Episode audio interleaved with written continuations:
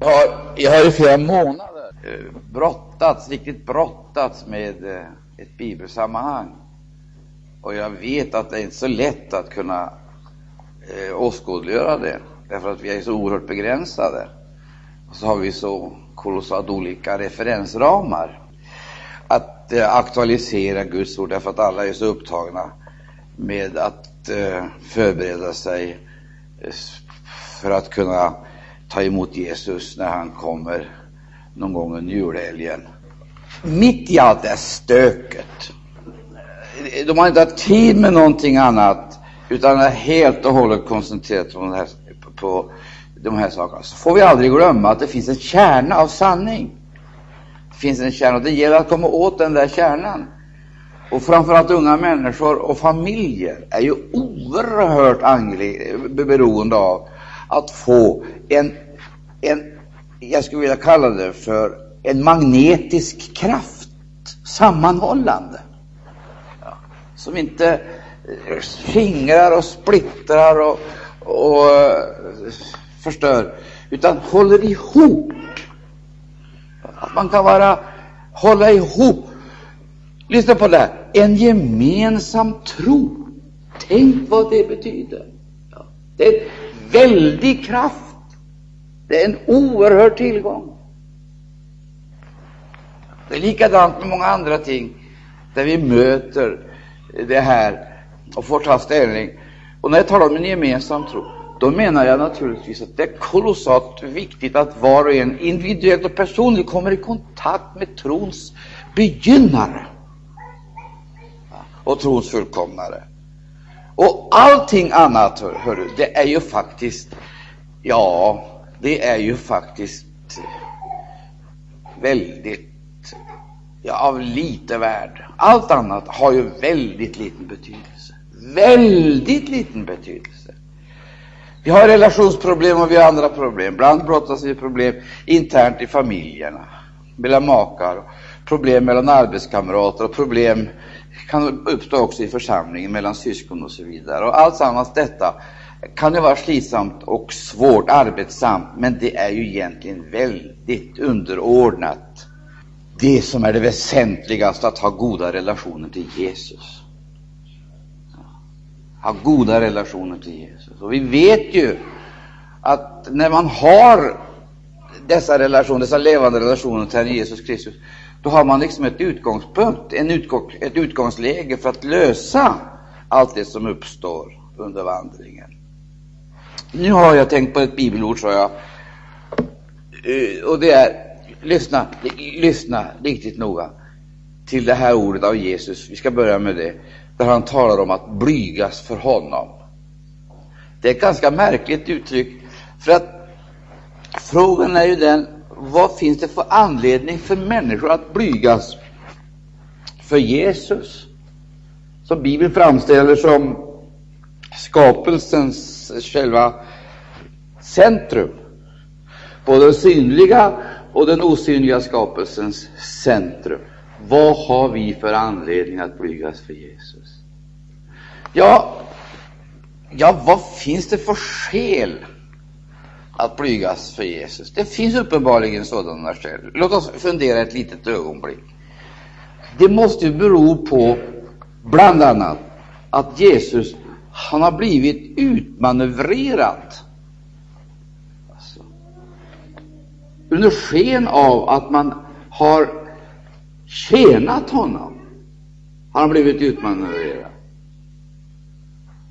Det, det, det är förunderligt för att om du läser ett sånt sändebrev som exempelvis sändebrevet till Laodicea, så uppstår ju genast frågan, vad är det i den församlingen som har lett fram till att Jesus står utanför och klappar? Han står utanför och klappar. Ja, vad är det som är orsaken till detta? Du, kan det inte vara så? Och är det egentligen inte så? Det beror på att man blygs för Jesus. På vad sätt då? Jo, eh, får jag se på det, min älskade vän? Vi har bekymmer med våra sociala relationer exempelvis.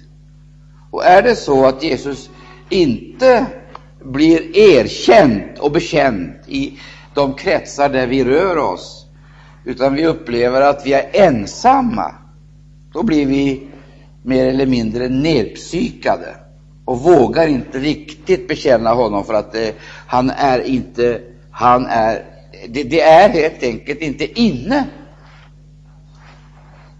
Det är inte inne att dyrka Herre Jesus Kristus. Det börjar i det oskyldiga, eftersom det inte är inne att dyrka Jesus så där öppet, enkelt, hjärtligt och engagerat, så får man göra det på ett något annorlunda sätt. Man får, göra, man får sänka nivån, sänka engagemanget och inte vara så brinnande. Och där har vi väl själva grundproblemet. För att det vet ju, min käre vän, när man är riktigt brinnande för Jesus, då övervinner man ju allt. Men det är just när den här, när den här elden liksom har tagit skada på något vis. Den här kärleken har tagit skada, och det beror på eh, vad vi brukar kalla för kompromisser. Det är inte inne att tillbedja Jesus. Det känner vi var och en på arbetsplatsen.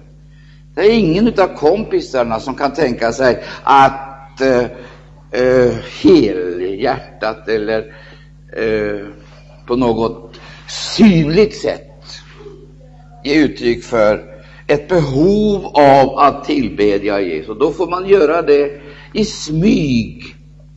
Och det är ingen som vill diskutera frälsningsfrågor och samtala om frälsningsfrågor, då det är så enormt mycket annat att samtala om. Pengar, arbete och så vidare. Kärlek, nöje. Det är så mycket att tala om och som engagerar oss och som gärna fyller oss. Sista filmen, sista tv-filmen, sista matchen eller någonting i den stilen. Det är ju detta som så att säga ältas ifrån morgon till kväll. Eller om det är någonting annat. Det kan också gälla politiska frågor, kulturella frågor också i någon mån. Men det skulle inte, någon skulle ju inte komma på idén att så att säga i sådana där samtal, i sådana sammanhang härleda eller försöka förklara det som sker med utgångspunkt ifrån Herre Jesus Kristus. Det är ingen som skulle kunna komma på idén och börja tala om ja, men detta är ju världen. Så resonerar världen, så talar världen. Men vad säger herren Jesus Kristus? Den idén skulle ju inte någon komma på. Om man skulle ha en känsla av att här borde jag säga ett ord. Jag borde vittna, jag borde inte vara feg och svekfull, utan här borde jag vittna. Och då vet vi det att skulle man i ett sådant sammanhang öppet förklara jag tror på Jesus Kristus, ja, då har man i princip gjort sig omöjlig. Och då får man räkna med att det blir inte bara ytliga reaktioner, utan man kommer så småningom att upptäcka att någon vill gärna ha ett litet samtal med dig, sådär i hemlighet, och andra uttalar öppet sitt förakt och engagerar sig i en regelrätt förföljelse. Vad beror detta på? För det är ju snälla och hederliga människor. Hur man kunna tänka sig? Människor som är flitiga att arbeta och gärna vill ordna sin egen försörjning och klara sig själva och så vidare. Det är ju, det är ju snälla människor i stort sett. Och så helt plötsligt inför Jesus, där mas där faller masken av och då möter man den verkliga sanningen om deras oro, ångest och hat och deras fruktansvärda eh, aggressioner. Vad är detta för någonting? Vad beror det på? Börjar vi nu analysera det här kanske på ett något annorlunda sätt. Det här gäller ju alla om, det gäller arbetslivet. Du vet ju hur det är med dina arbetskamrater. Du kan prata med dem från morgon till kväll om priser, om hyror, om eh, händelser i Europa eller Amerika. Och de kan diskutera och ha synpunkter. Du vet ju så inligt väl att du kan prata strunt ifrån morgon till kväll. Så det, det går tomgång fullständig tomgång. Och du upplever också den här tomhet så, så förfärlig, plågsam stundtals. Och du undrar ibland vad jag pratar om, varför? Varför, varför blir det på det här viset? Precis på det sättet som det kan vara på arbetsplatsen, så kommer man hem och så är man slutkörd och tomkörd. Så vet du ju vad det blir, så då kastar man sig in av en inneboende hunger efter någonting annat, så kastar man sig in i någonting som kanske ser lite bättre ut, och är mindre, är mindre eh, enerverande, för att man får, för att släcka törsten och få frid. Men, men, men, man glömmer en sak, man glömmer en sak, och det, alltsammans detta beror på att man blygs för Jesus. Man vågar inte riktigt, man vågar inte. Man är faktiskt feg. Och man är svekfull, trots att man har muskler och eh, trots att man kan sina fullfölja sina arbetsuppgifter, är verkligheten den att man är feg inför Jesus. Man kan tala om alla världens storheter, nämna namn och känna till historiska eh, Eh, profiler och så vidare. Men inför Jesus, där blir man löjligt feg. Man blir löjligt mållös. Du, nu ska du få höra en sak, min älskade vän, som har talat till mig så oerhört den sista tiden. Det är ju precis likadant som det är i den lilla gruppen, så är det i alla andra grupper där folk samlas i stora eller små kollektiv. Låt oss ta några. Det är ju hopplöst att komma till tals om Jesus i idrottens värld, idrottsrörelsen. Alltså, om du ska tala om Jesus så måste det bli en idrotts-Jesus, en sport-Jesus. Kan du möjligen använda honom som symbol för andras insatser? Du, lyssna nu noga till vad jag säger åt dig, för det här är fruktansvärt angeläget. Det här är faktiskt angeläget att vi kan analysera. Det är väldigt svårt att komma till tals om Jesus som frälsare, som domare, som herre. Herre, det är väldigt svårt att komma till, ja, det är ju omöjligt. Du får ingen plattform i idrottsrörelsen för att förkunna frälsningens budskap. Utan vad det handlar om, det är ju mänskliga prestationer. Och om du ska presentera Jesus så måste det vara en idrotts-Jesus. En sport-Jesus. Det blir en Jesus för en grupp. En fotbolls-Jesus. Ishockey-Jesus. Det vill säga, han måste göras om så att han passar in i systemet. Han måste göras om så att han får utrymme i föreställningsvärlden. När det står att det fanns inget rum för honom i härbärget, så är ju detta någonting som är långt, långt, långt, långt mera. Det är långt, långt mera än exempelvis ett historiskt konstaterande. Det här är ett uttryck för hela samhällets reaktionsmönster inför Herren Jesus Kristus. Hade Jesus varit så att säga en anpassningsbar gestalt som han kunnat tagit med sig lite varstans, då hade han fått lyxhotellet. Och så vidare. Men det gick inte. Han var en sten som inte passade in i deras byggnadsverk. Och Det här är så oerhört skakande, därför att varje grupp, alltså svarvar sin egen gudsbild. Du ser, boxaren går in bort i en hörna, böjer knä och tillbeder. Där har du en box-Jesus. Skidåkaren beder till Jesus. Jag hörde en av våra framstående backhoppare som berättade hur han bad till Gud. Och han strävade efter att uppleva Guds vilja. Jag vill inte kommentera det där och heller inte karikera, bara konstatera att det låter så oerhört konstigt. Men tänker vi, det finns säkerligen en skidhoppare Jesus. Visst gör det det. Han passar precis in, han passar in i mönstret. För de har svarvat om, om, om honom, så han är anpassningsbar. Det finns en ishockey-Jesus. Annars skulle ju inte exempelvis kristna människor hänge sig åt detta, för att de upplever att det finns en viss lisa i och de får, de får alltså godkänt av sitt samvete, därför att Jesus är med i sällskapet, tror man. De tror, som Jesu egna föräldrar trodde, de trodde att han var med i resällskapet. sällskapet. Det är ju faktiskt på det sättet. Det finns en skidhoppar-Jesus, det finns en ishockey-Jesus, det finns en boxnings-Jesus.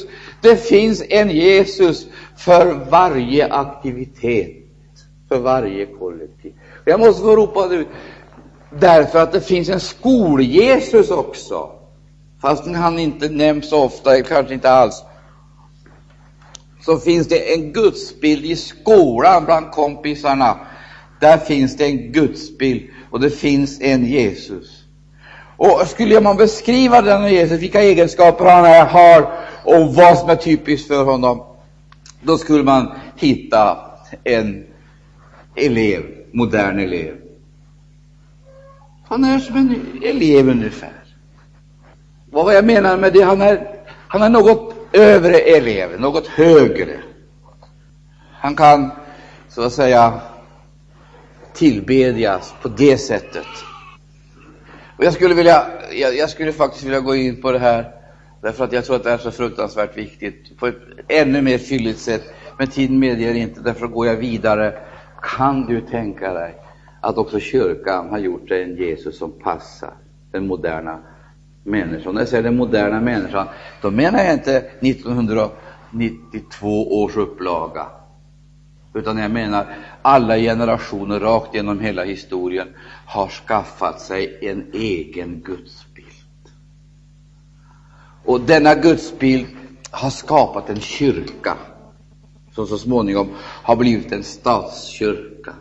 Och då du ser hur denna kyrka agerar, opererar och så vidare, så blir du helt omskakad om du tar tid och läser vad Bibeln säger vad som var ifrån begynnelsen.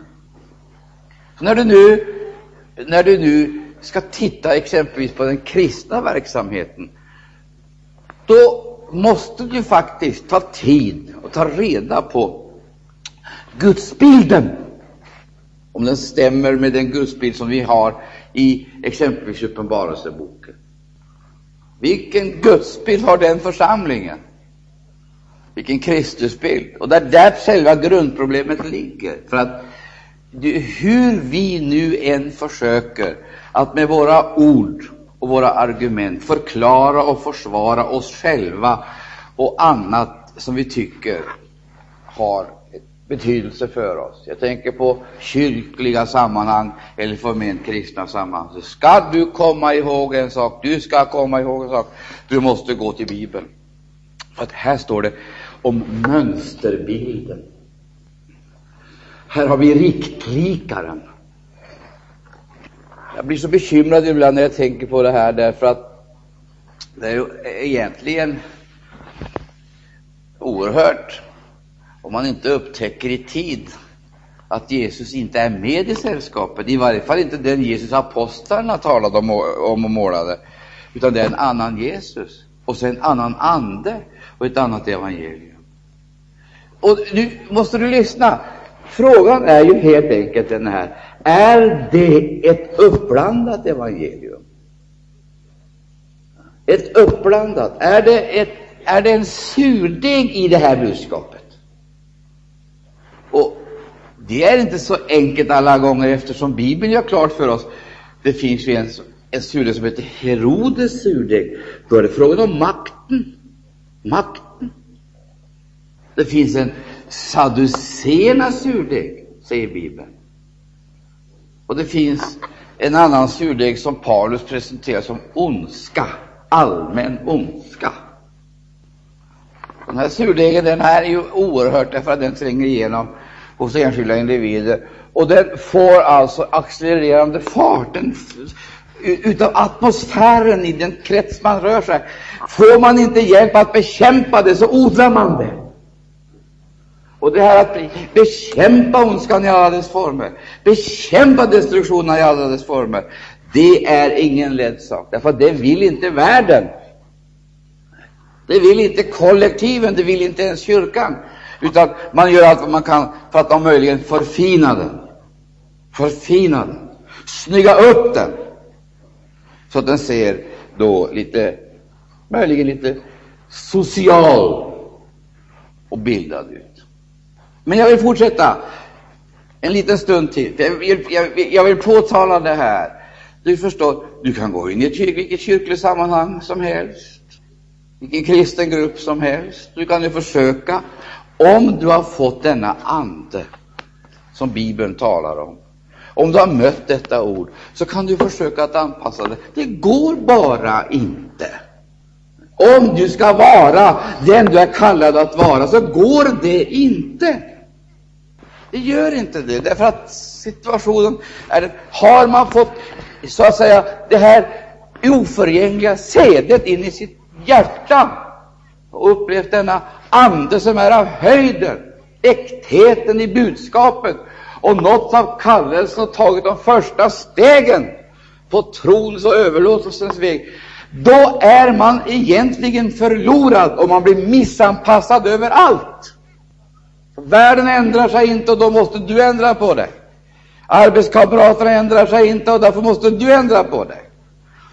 Idrottsrörelsen ändrar inte på sig, därför måste du ändra på det. Du måste bli lika, så att säga, det kollektiv du rör dig i.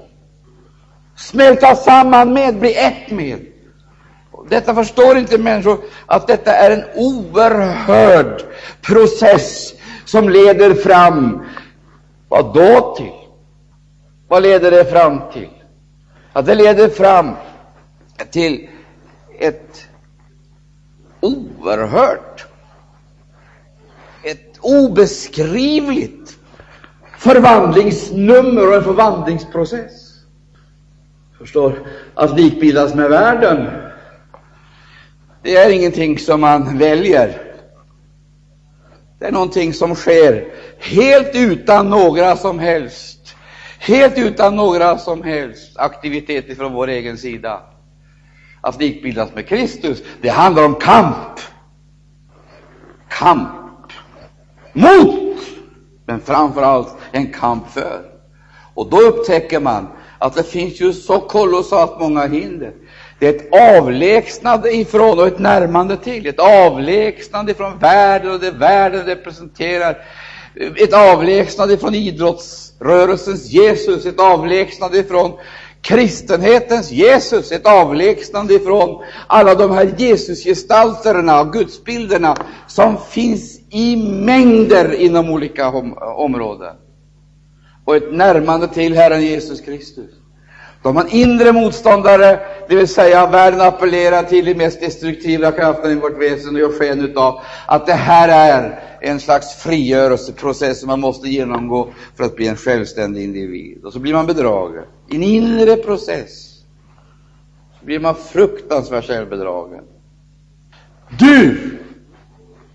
Jag, jag blev så skakad när jag påminde mig om Paulus du förstår, att ha med unga människor att göra, det är inte lätt. Det är inte lätt, därför att man kan begå så fruktansvärt många misstag. Men risken är egentligen inte den att man begår misstagen i relationerna med unga människor. risken är den att man tror sig kunna vinna unga människor om man kompromissar. Alltså, om man sänker kraven, då ska man vinna ungdomarna på sin sida. Eh, på sin sida. Och så bedrar man sig. Därför att om inte de får kraven, så får de heller aldrig kraften. Det är där problemet ligger. Och så får du en sån där modern Jesus, en eh, Jesusbild som finns lite varstans. Jag blev så oerhört gripen. Lyssna här nu broder och syster, du unga vän. Lyssna nu noga, så ska jag läsa ett bibelord som verkar så kärvt och nästan lite, ja, det är i alla fall inte psykologiskt att uttala sig på det här viset. Det är i allra högsta grad eh, opsykologiskt.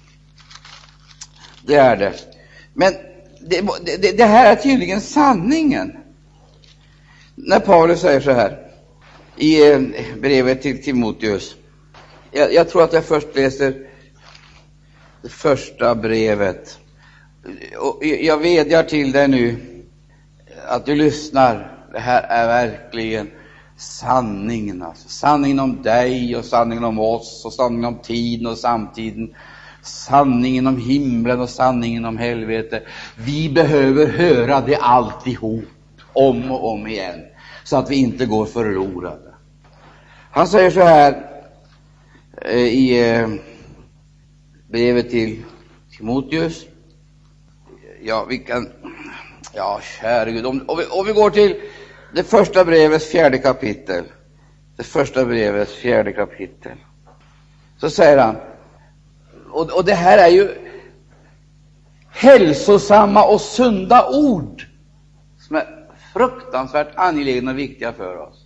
Men Anden säger uttryckligen att i kommande tider somliga skulle avfalla från tron och hålla sig till villoandar och till onda andars läror. Du, kan du ge mig svar på frågan som jag nu ställer? Eller svara för, en egen, för ditt eget inre skull? Hålla sig till. Hålla sig till. Bibeln talar om risken av att man håller sig till Apollos, till Kefas, så att man där alltså idealiserar eller favoriserar en eller annan lära eller lärare. Det är ett fasansfullt uttryck. Det är det faktiskt. För det är ju självklart att det är bra att äga lärare som kan undervisa. Visst är det väl det. Och de är betydelsefulla. Och därför kan man frestas att överbetona eller favorisera så att man får vissa favoriter. Så blir man ensidig och trångsynt, och det är inget ovanligt. Man blir så förfärligt trångsynt. Därför att man vill hålla sig till en man som förefaller vara stark, som passar bra för mitt sätt att vara, tänka och så vidare. Så begår vi det stora misstaget att vi håller oss till människor istället för att förstå att Jesus Kristus är ju vår frälsare och Herre, eller hur? Om vi håller oss till honom, då har han givit oss allt detta tillsammans. Tror du det, så säger jag amen. Allt tillhör eder för Kristi skull. Men det må vara hänt att man kan hålla sig till människor, favorisera människor och på ett alldeles förfärligt skadligt sätt, så att säga, eh, skaffa sig sina idoler eller stjärnor. Det är faktiskt så. Vi vet ju av erfarenhet att det fungerar på det här sättet i tiden. Det är världens sätt att agera. Därför så blir församlingsgemenskapen många gånger så annorlunda än vad den borde vara, för att vi ska hålla oss till Kristus. Och det innebär att man underordnar sig precis som Kristus, Jesus, gjorde. Det vill säga, man har hans föredöme, man ser på honom och man blir inte förnärmad. Man blir inte, känner sig inte förolämpad om man drabbas av en förmaning eller någonting i den där stilen. Risken är den att vi begår våra misstag och vi vill gärna på något sätt, vi vill gärna på något sätt förklara, eller vanligtvis bortförklara, för vi känner att det är någonting som gör ont i bröstet. Då har vi den här förfärliga viljan att hävda oss. Vi måste hävda oss. Till varje pris så måste vi hävda oss. Och så går vi ut ifrån det här behovet av självhävdelse, fattar våra beslut och gör våra gärningar och skadar oss själva och andra. Men nu ska du få höra. om någonting som är ännu värre än detta, som i och för sig är allvarligt nog.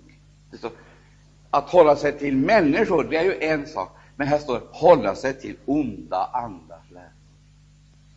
Jag skulle önska att jag kunde förklara det här för dig, ja, hur fruktansvärt allvarligt det är att ge sig ut på religiösa äventyr. Nu skulle jag förklara för dig att bortanför gemenskapen, där möter du en andevärld som tar hand om dig. Du förlorar det skydd som gemenskapen ger. Det skydd som gemenskapen erbjuder dig, det går förlorat och så överlämnas du åt makter. Och utan att du själv märker det så är du ganska snart en annan människa. En helt annan människa. Nya värderingar, nytt livsmönster, nya behov och så vidare. Nå, hör här. Men anser uttrycket att i kommande tid skulle somliga avfalla för tron och hålla sig till viloanda och till onda andar. Nu vill jag att du ska lyssna riktigt noga. Därför att i om vi ställer det här i parallell till vad Paulus vidare säger, för att eliminera det här, för att förhindra det här, för att bli bevarad så att man inte dukar under för detta, blir ett offer för det. Det är inte bara frågan om att skaffa sig en dräglig tillvaro här i tiden. Det är frågan om framtiden och framförallt frågan om evigheten. Vi skulle kunna drastiskt avkorta det, avsluta med att säga, ställa frågan, människa, du troende människa, ska världen sluka dig? Ska du bli ett med världen och förverkliga det ideal som du ser ta gestalt i mänskligheten som är antikristi ideal? Eller ska du bli bevarad till hans tillkommelse? Det är ju där frågan ligger. Bli bevarad till hans tillkommelse. Jag, jag läser vidare. Så skall det ske genom lögnpredikanters skrymteri. Människor som i sina egna samveten är brännmärkta som brottslingar och så vidare. Brännmärkta såsom brottslingar. Vi möter här alltså makter och fenomen som icke tar några som helst hänsyn till människans oerhörda behov av evangelium, utan presenterar ett evangelium som är förändrat, anpassat, lätt att smälta och som dessutom leder fram, leder fram till den nya människotypen. Kära Gud, du möter denna människotyp, du, och därför kan du se att det finns en övernaturlig kraft som för fram den. Du möter denna människotyp överallt, i alla sammanhang, i alla länder ute över hela jorden. Men jag skulle vilja säga till alla kristna, till Guds folk i denna tid, Jesus lever. Han är densamme. Se på honom! Gå till apostlarnas Jesus! Det är nu kristna församlingens Jesus.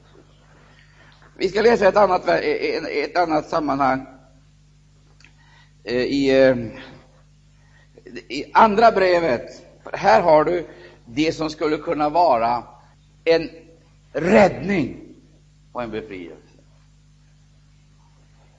Du förstår, den ande som opererar i världen, den är inställsam, väldigt inställsam. Och den eh, arbetar målmedvetet på en enda sak. Det är att förstöra dina möjligheter till frälsning. Därigenom att den skapar en falsk trygghet, en falsk säkerhet, en falsk styrka, alltsammans. Och den ger falska, genomfalska argument som man är redo att satsa sitt liv på, därför att man upplever det som sanningar, värda att slåss för. Politikens Jesus, idrottsrörelsens Jesus, kyrkans Jesus leder exakt fram till samma stympade gudsbild, samma människosyn. Och den förstör och upplöser det som skulle kunna utgöra hjälpen för oss, kärleksbegreppet, sanningsbegreppet. Vi får en falsk frid. Men hör här, låt det här sjunka ner i ditt hjärta. Tänk om du kunde förlora för ett eget ögonblick, för ett litet ögonblick, dig själv. Riktigt förlora dig själv, dina egna föreställningar. Det som du så att säga har gjort en mur utav, byggt upp en mur så att sanningen inte ska nå dig. Dina idéer, föreställningar, som egentligen är uttryck för kampen för det du tror är dina rättigheter, din värdighet och så vidare. Detta är ju ingenting annat än ett kvalificerat bedrägeri. Det enda som är värt någonting det är ju att likbildas med Jesus. Vad är, är typiskt för Jesus? Han utblottade sig själv. Och han aktade icke gudslikheten såsom ett byte. Han utbrytade sig och blev lydig. Det som är det största i livet, det är att lyda.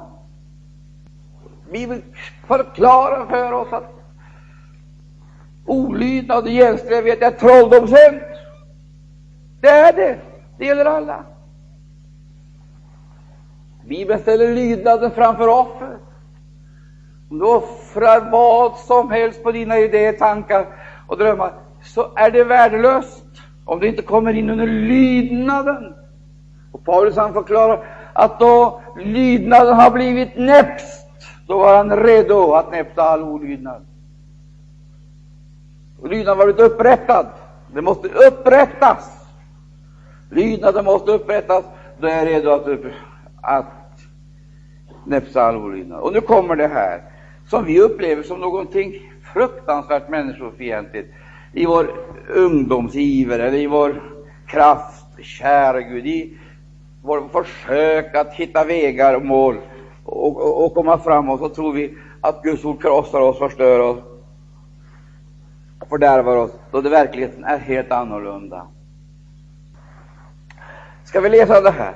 Får jag se på dig, min älskade vän? Jag vill verkligen se dig rakt in i ögonen. För det här är, det är sanning som är frigörande och frälsande.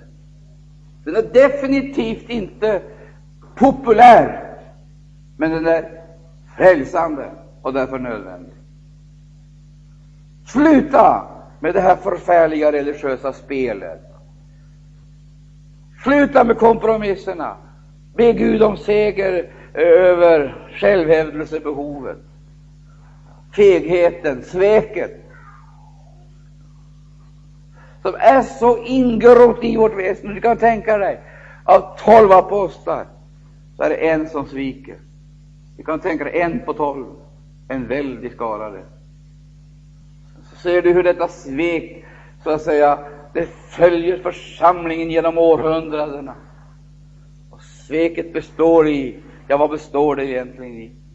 Att man egentligen blygs för Jesus.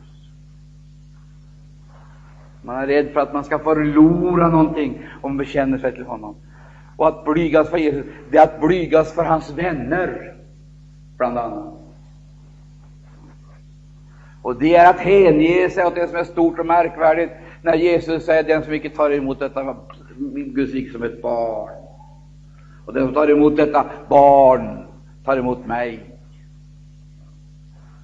Det som är stort och märkvärdigt, vi vill identifiera oss med det, Därför att på det sättet tror vi oss kunna skaffa oss personliga favörer och framgång. Göm dig i massan eller sök massans stöd, kollektivets hjälp, och du ska frälsas, vilket ju är en bluff. Jesus träder in i vårt liv och så säger den som älskar far mot syster eller bror, vän eller fiende, den som älskar mer än mig. Alltså, det är frågan mer än Jesus. Och hur denna Kristus kärlek har tagit gestalt i våra liv, det syns ju ganska snart. Jag ska inte exemplifiera, men det är viktigt att vi inte hänger oss ett julfirande som är ett kvalificerat skrymteri, utan vi i den här tiden kan närma oss Jesus. Inte kollektivet, men apostlarnas Jesus, likbildas med honom, fyllas av honom och tjäna honom som aldrig tidigare. Inte ge bort gåvor, men ge, bli en gåva. En gåva. Halleluja. Är du glad för att du är frälst människa, så säg tack och lov. Är du glad för att frälst och prisa Jesus? Det är det största som finns. Men se till att du inte får en modern Jesus anpassad så att säga, till de respektiva kollektiven. Idrotts-Jesus, kyrko-Jesus, politikens Jesus eller ekumenikens Jesus, utan apostlarnas Jesus. Och nu ska jag säga att han lever, fast han inte, fastän han inte låter sig utnyttjas. Han lever. Jag menar inte den Jesus som man reklamerar för och sjunger om i olika sammanhang. Hör här. Hör här. Hör här! Och du behöver höra detta om du ska bli frälst och inte gå förlorad. Vad är livet värt om vi inte har evighetsperspektivet klart för oss? Om vi inte vet var vi är på väg någonstans? Ska vi landa hemma hos Jesus? Eller ska vi gå under och bli offer för den ande som härskar i världen, allt mer religiös och förförisk, allt mer mördande och förödande? Men det finns en ande av höjden som fyller oss med glädje. Tror du det? Glädje! Det är julglädje med alla dimensioner. Sann glädje. Halleluja. Och nu läser jag det här som förefaller vara så kolossalt människofientligt och framförallt glädjedödande. Hör här. Jag uppmanar dig allvarligt inför Gud och Kristus Jesus. Aj, aj, aj, aj, problemet finns i alla tider, har funnits i alla tider. Benägenheten att liksom försöka skaka av sig det här som känns obehagligt och närgående. Att skaka av sig det här som gäller offer och överlåtelse. Att skaka av sig det här som gäller disciplin och lydnad. För att kunna gå en annan bekvämare och lättare väg. Vad kallar Bibeln den? Den kallar för Kains väg. Gå in på Kains väg.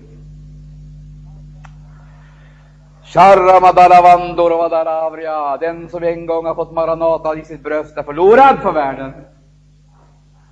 Den som en gång har smakat det här kommer aldrig att trivas. Fördjupa sig i Gud, fördjupa sig i ordet. Man kommer aldrig att kunna leva ett normalt och harmoniskt liv om man avlägsnar sig från denna källa och börjar eh, släcka sin törst med grumligt vatten. Halleluja för seger! Det Paulus sa, det gäller. Och när han ropar ut ”Jag förmanar eder, jag uppmanar dig” allvarligt. Man måste skaka om människorna så att det sjunker ner och inte så att säga blir bara ett örhänge. Ett örhänge! Slentrianlyssnandet är farligt, därför att det leder inte fram till någonting annat resultat än förhärdelse, förstockelse. Marschera in i lydnaden, marschera rakt in i överlåtelsen. Du ska upptäcka att du, för, du förlorar ingenting, du vinner allt. Du vinner allt. Du vinner allt i Herren Jesus Kristus. Passar inte det här för dig så är det beklagligt, för då tyder det på att du har förlorat livsknistan. Min uppgift och vår uppgift är inte att balsamera lik eller dekorera med blommor och deodoranter. Vår uppgift är att predika uppståndelsens budskap. Halleluja! Så vi kan förnyas i den heliga Ande och vara väl förberedda för att möta honom som vi väntar. Vi väntar och förbidar. Ja, det, är så, det, det är så otroligt att vi är föremålet för hans handlande. Nu ska jag läsa vidare. Jag uppmanar dig allvarligt, det är aposteln som i apostolisk tid vänder sig till en relativt ung människa med denna allvarliga uppmaning. Och det förstår du väl, att om det var viktigt och angeläget med sådana uppmaningar i apostolisk tid, så är ju det så mycket viktigare nu. Du, livet är av sådan karaktär att vi måste ha en ballast. Ballast kan aldrig vara kork. Det är det inte. Du använder inte kork som ballast. Det måste till tyngre saker. Någonting som sjunker ner och förankrar oss så vi inte kan driva omkring. Förankrad i ordet, förankrad i gemenskapen, förankrad i församling, hålla fast vid apostlarnas undervisning. Brödragemenskapen, brödsbrytelsen och bönerna. Att icke överge församlingsgemenskapen, som det heter, som somliga har för, som somliga har för sed. Det finns avskräckande exempel i alla tider och som på sitt sätt drar, man drar åt fel håll, drar med sig andra in eh, i ett andligt vakuum, kommer ut utanför gränserna, utanför territoriet, trons områden, gemenskapens. Jag måste få läsa det. Jag, jag, jag blir riktigt uppskakad när jag läser det här, därför att det, det, det här är så alldagliga ord. Jag uppmanar dig. Du vet varenda en vad en uppmaning innebär. Det är en appell, inte bara en appell. Han ger vilket tryck bakom orden. Nödvändigheten av denna påminnelse. Man kan tappa bort det som är viktigt, och man kan till och med tappa bort sanningen. Därför är det så oerhört viktigt för dig själv, för din själ, för din frälsning, för din frigörelse, för din framtid och för, för allt. Det är så väldigt viktigt att du får den här uppmaningen. Den här uppmaningen den är högst personlig. Jag uppmanar dig! Adresserar jag det här inte till någon annan. Det är högst personligt. Han kommer inte för att störa din ro. Visst inte. Han kommer för att ge dig den ro som är hans. Den som är hans. Hans börda är lätt. Men då måste du ta hans ok sammanokas med Jesus, sammanlänkas med Jesus. Då kan du bära detta och få nytta och välsignelse av varje kompromiss betyder ju ett steg närmare avgrunden. Varje överlåtelse betyder ett steg närmare himlen. Jag uppmanar dig allvarligt inför Gud och Kristus Jesus. Varför? sådana starka och kraftfulla vittnen. Ni vet att det finns så kolossalt många läror och meningar, människomeningar, fabler, kärringfabler. Och det finns så många eh, argument att analysera, definiera och försöka diskutera. Diskutera, diskutera, diskutera. Det är så vanligt allt. Man förväntar sig att inför Herre Jesus Kristus och inför Gud Fadern så ska man bli mållös åtminstone så att man kan lyssna på en uppmaning, en allvarlig uppmaning. Kära du, det är ju inte människor. Det är inte, det är inte så att Paulus har hittat på det här. Det är ett uttryck för hans känslor eller åsikter. Det är ett uttryck för någonting långt allvarligare. Det är inte inför någon individ, så att säga, som slutresultatet ska redovisas, utan det är inför honom. Av honom, för honom och till honom.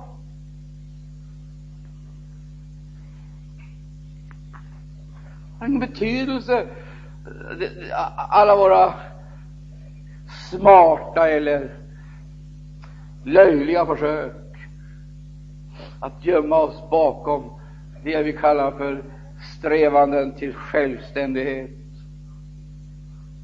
Ingenting. Det är löjligt. Känner du dig förödmjukad när du nås av Guds ord, då ska du ta reda på vem är det som har sänt det. Vem är det som står bakom? Det handlar om att ge ordet myndighet och auktoritet så det inte blir ett debattinlägg eller ett diskussionsunderlag inför Jesus Kristus inför Gud uppmanar jag dig. Överlämna budskapet åt dig och inför honom måste du fatta dina beslut och sen ta konsekvenserna. Du kan lyssna på vem du vill, du kan göra vad du vill, precis vad du vill. Du får göra det. Tänk på din skapare i din ungdom, det är Guds eget ord. Tänk på din skapare, gör det som lyster och du tycker passar dig. Men glöm inte, sist och slutligen, så ska du ställas fram inför honom. Låt det, så att säga, vara, låt det vara det avgörande för dina steg och ställningstaganden, dina relationer och din gemenskap. Man söker inte syskon, man jagar inte efter syskon, man är född in i familjen. Och där är man inte adoptivbarn eller styrbarn, man är född. Där man är född, där har man sina syskon. Där har man sina syskon.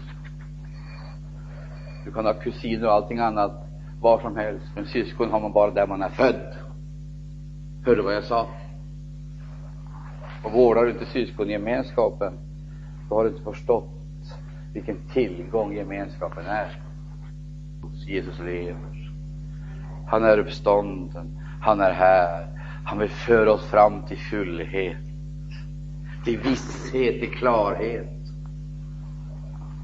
Så vi inte får idrotts-Jesus eller kyrko-Jesus politikens Jesus eller ekumenikens Jesus, kulturens Jesus, deras glädjeämnen, fröjder och deras framgångar, utan vi får Bibelns, apostlarnas och den nu kristna församlingens Jesus, vars främsta kännetecken är just detta att man i allt likbildas med honom. Ravororios. Nu ska jag strax sluta. Ni måste ju medge att det är underbart. Visst är det väl underbart att Jesus tar hand om oss på det här viset och ägnar sig åt oss. Personligt, individuellt. Var och en personligen. Jag uppmanar dig allvarligt inför Jesus Kristus, inför Gud, uppmanar jag dig och det är nödvändigt med sådana uppmaningar, det ska du veta, så att ordet får auktoritet och genomslagskraft. Inför honom som ska döma levande och döda. Jag uppmanar dig vid hans tillkommelse och hans rike. Det var mycket det. Här skulle vi kunna göra varje, varje uttryck till en rubrik eller tema för en predikan. Hör en gång till, hör en gång till, låt det sjunka ner i ditt hjärta. Vilket ord, vilket budskap! Jag uppmanar dig allvarligt inför Gud och Kristus Jesus, inför honom som ska döma levande och döda. Vilket perspektiv, vilken myndighet, vilken omsorg. Jag uppmanar dig i hans tillkommelse på hans rike, och så kommer det, och där ska jag sluta. Ta med det här. Ta med det här det predika ordet. Träd upp i tid och otid. Bestraffa, tillrättavisa, förmana med allt tålamod och med undervisning i alla stycken. Jag läser en gång. Predika ordet. Du förstår, det enda som kan rädda oss i den här situationen, det här läget, den här tiden vad är det för fram? det är ordet. Det finns ingenting annat.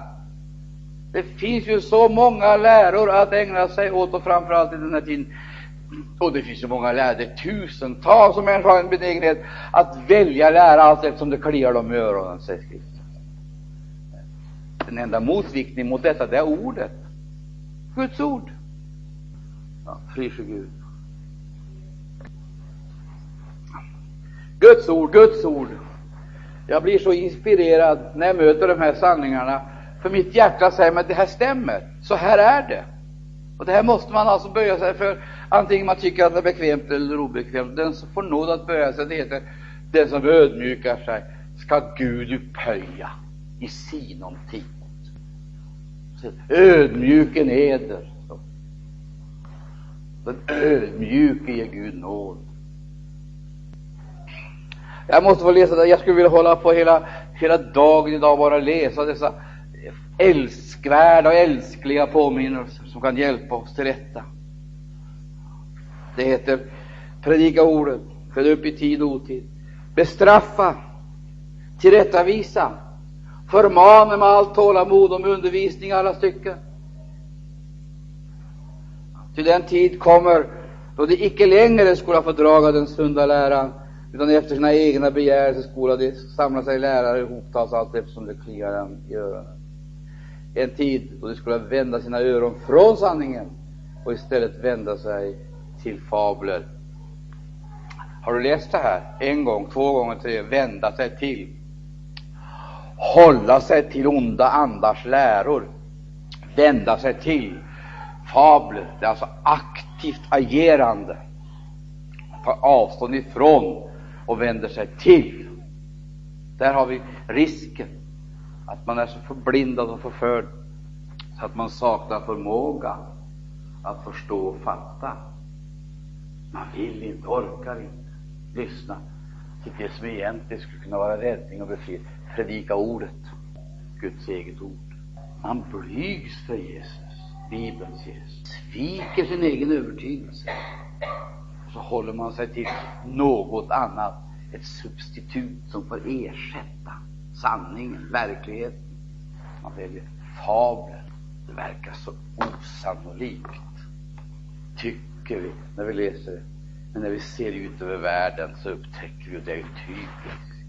Vi kan ta område efter område där vi ser det här ta gestalt, förkroppsligas inför våra ögon. Där det krävs ett kompromisslöst ställningstagande, en överlåtelse, ha hög beredskap inför hans tillkommelse och leva det liv som är typiskt för riket, Guds rike.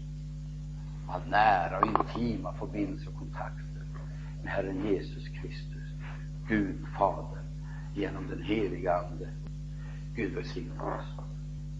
Halleluja, Jesus lever. Jesus hjälper. Jesus löser. Nu som alltid. Amen.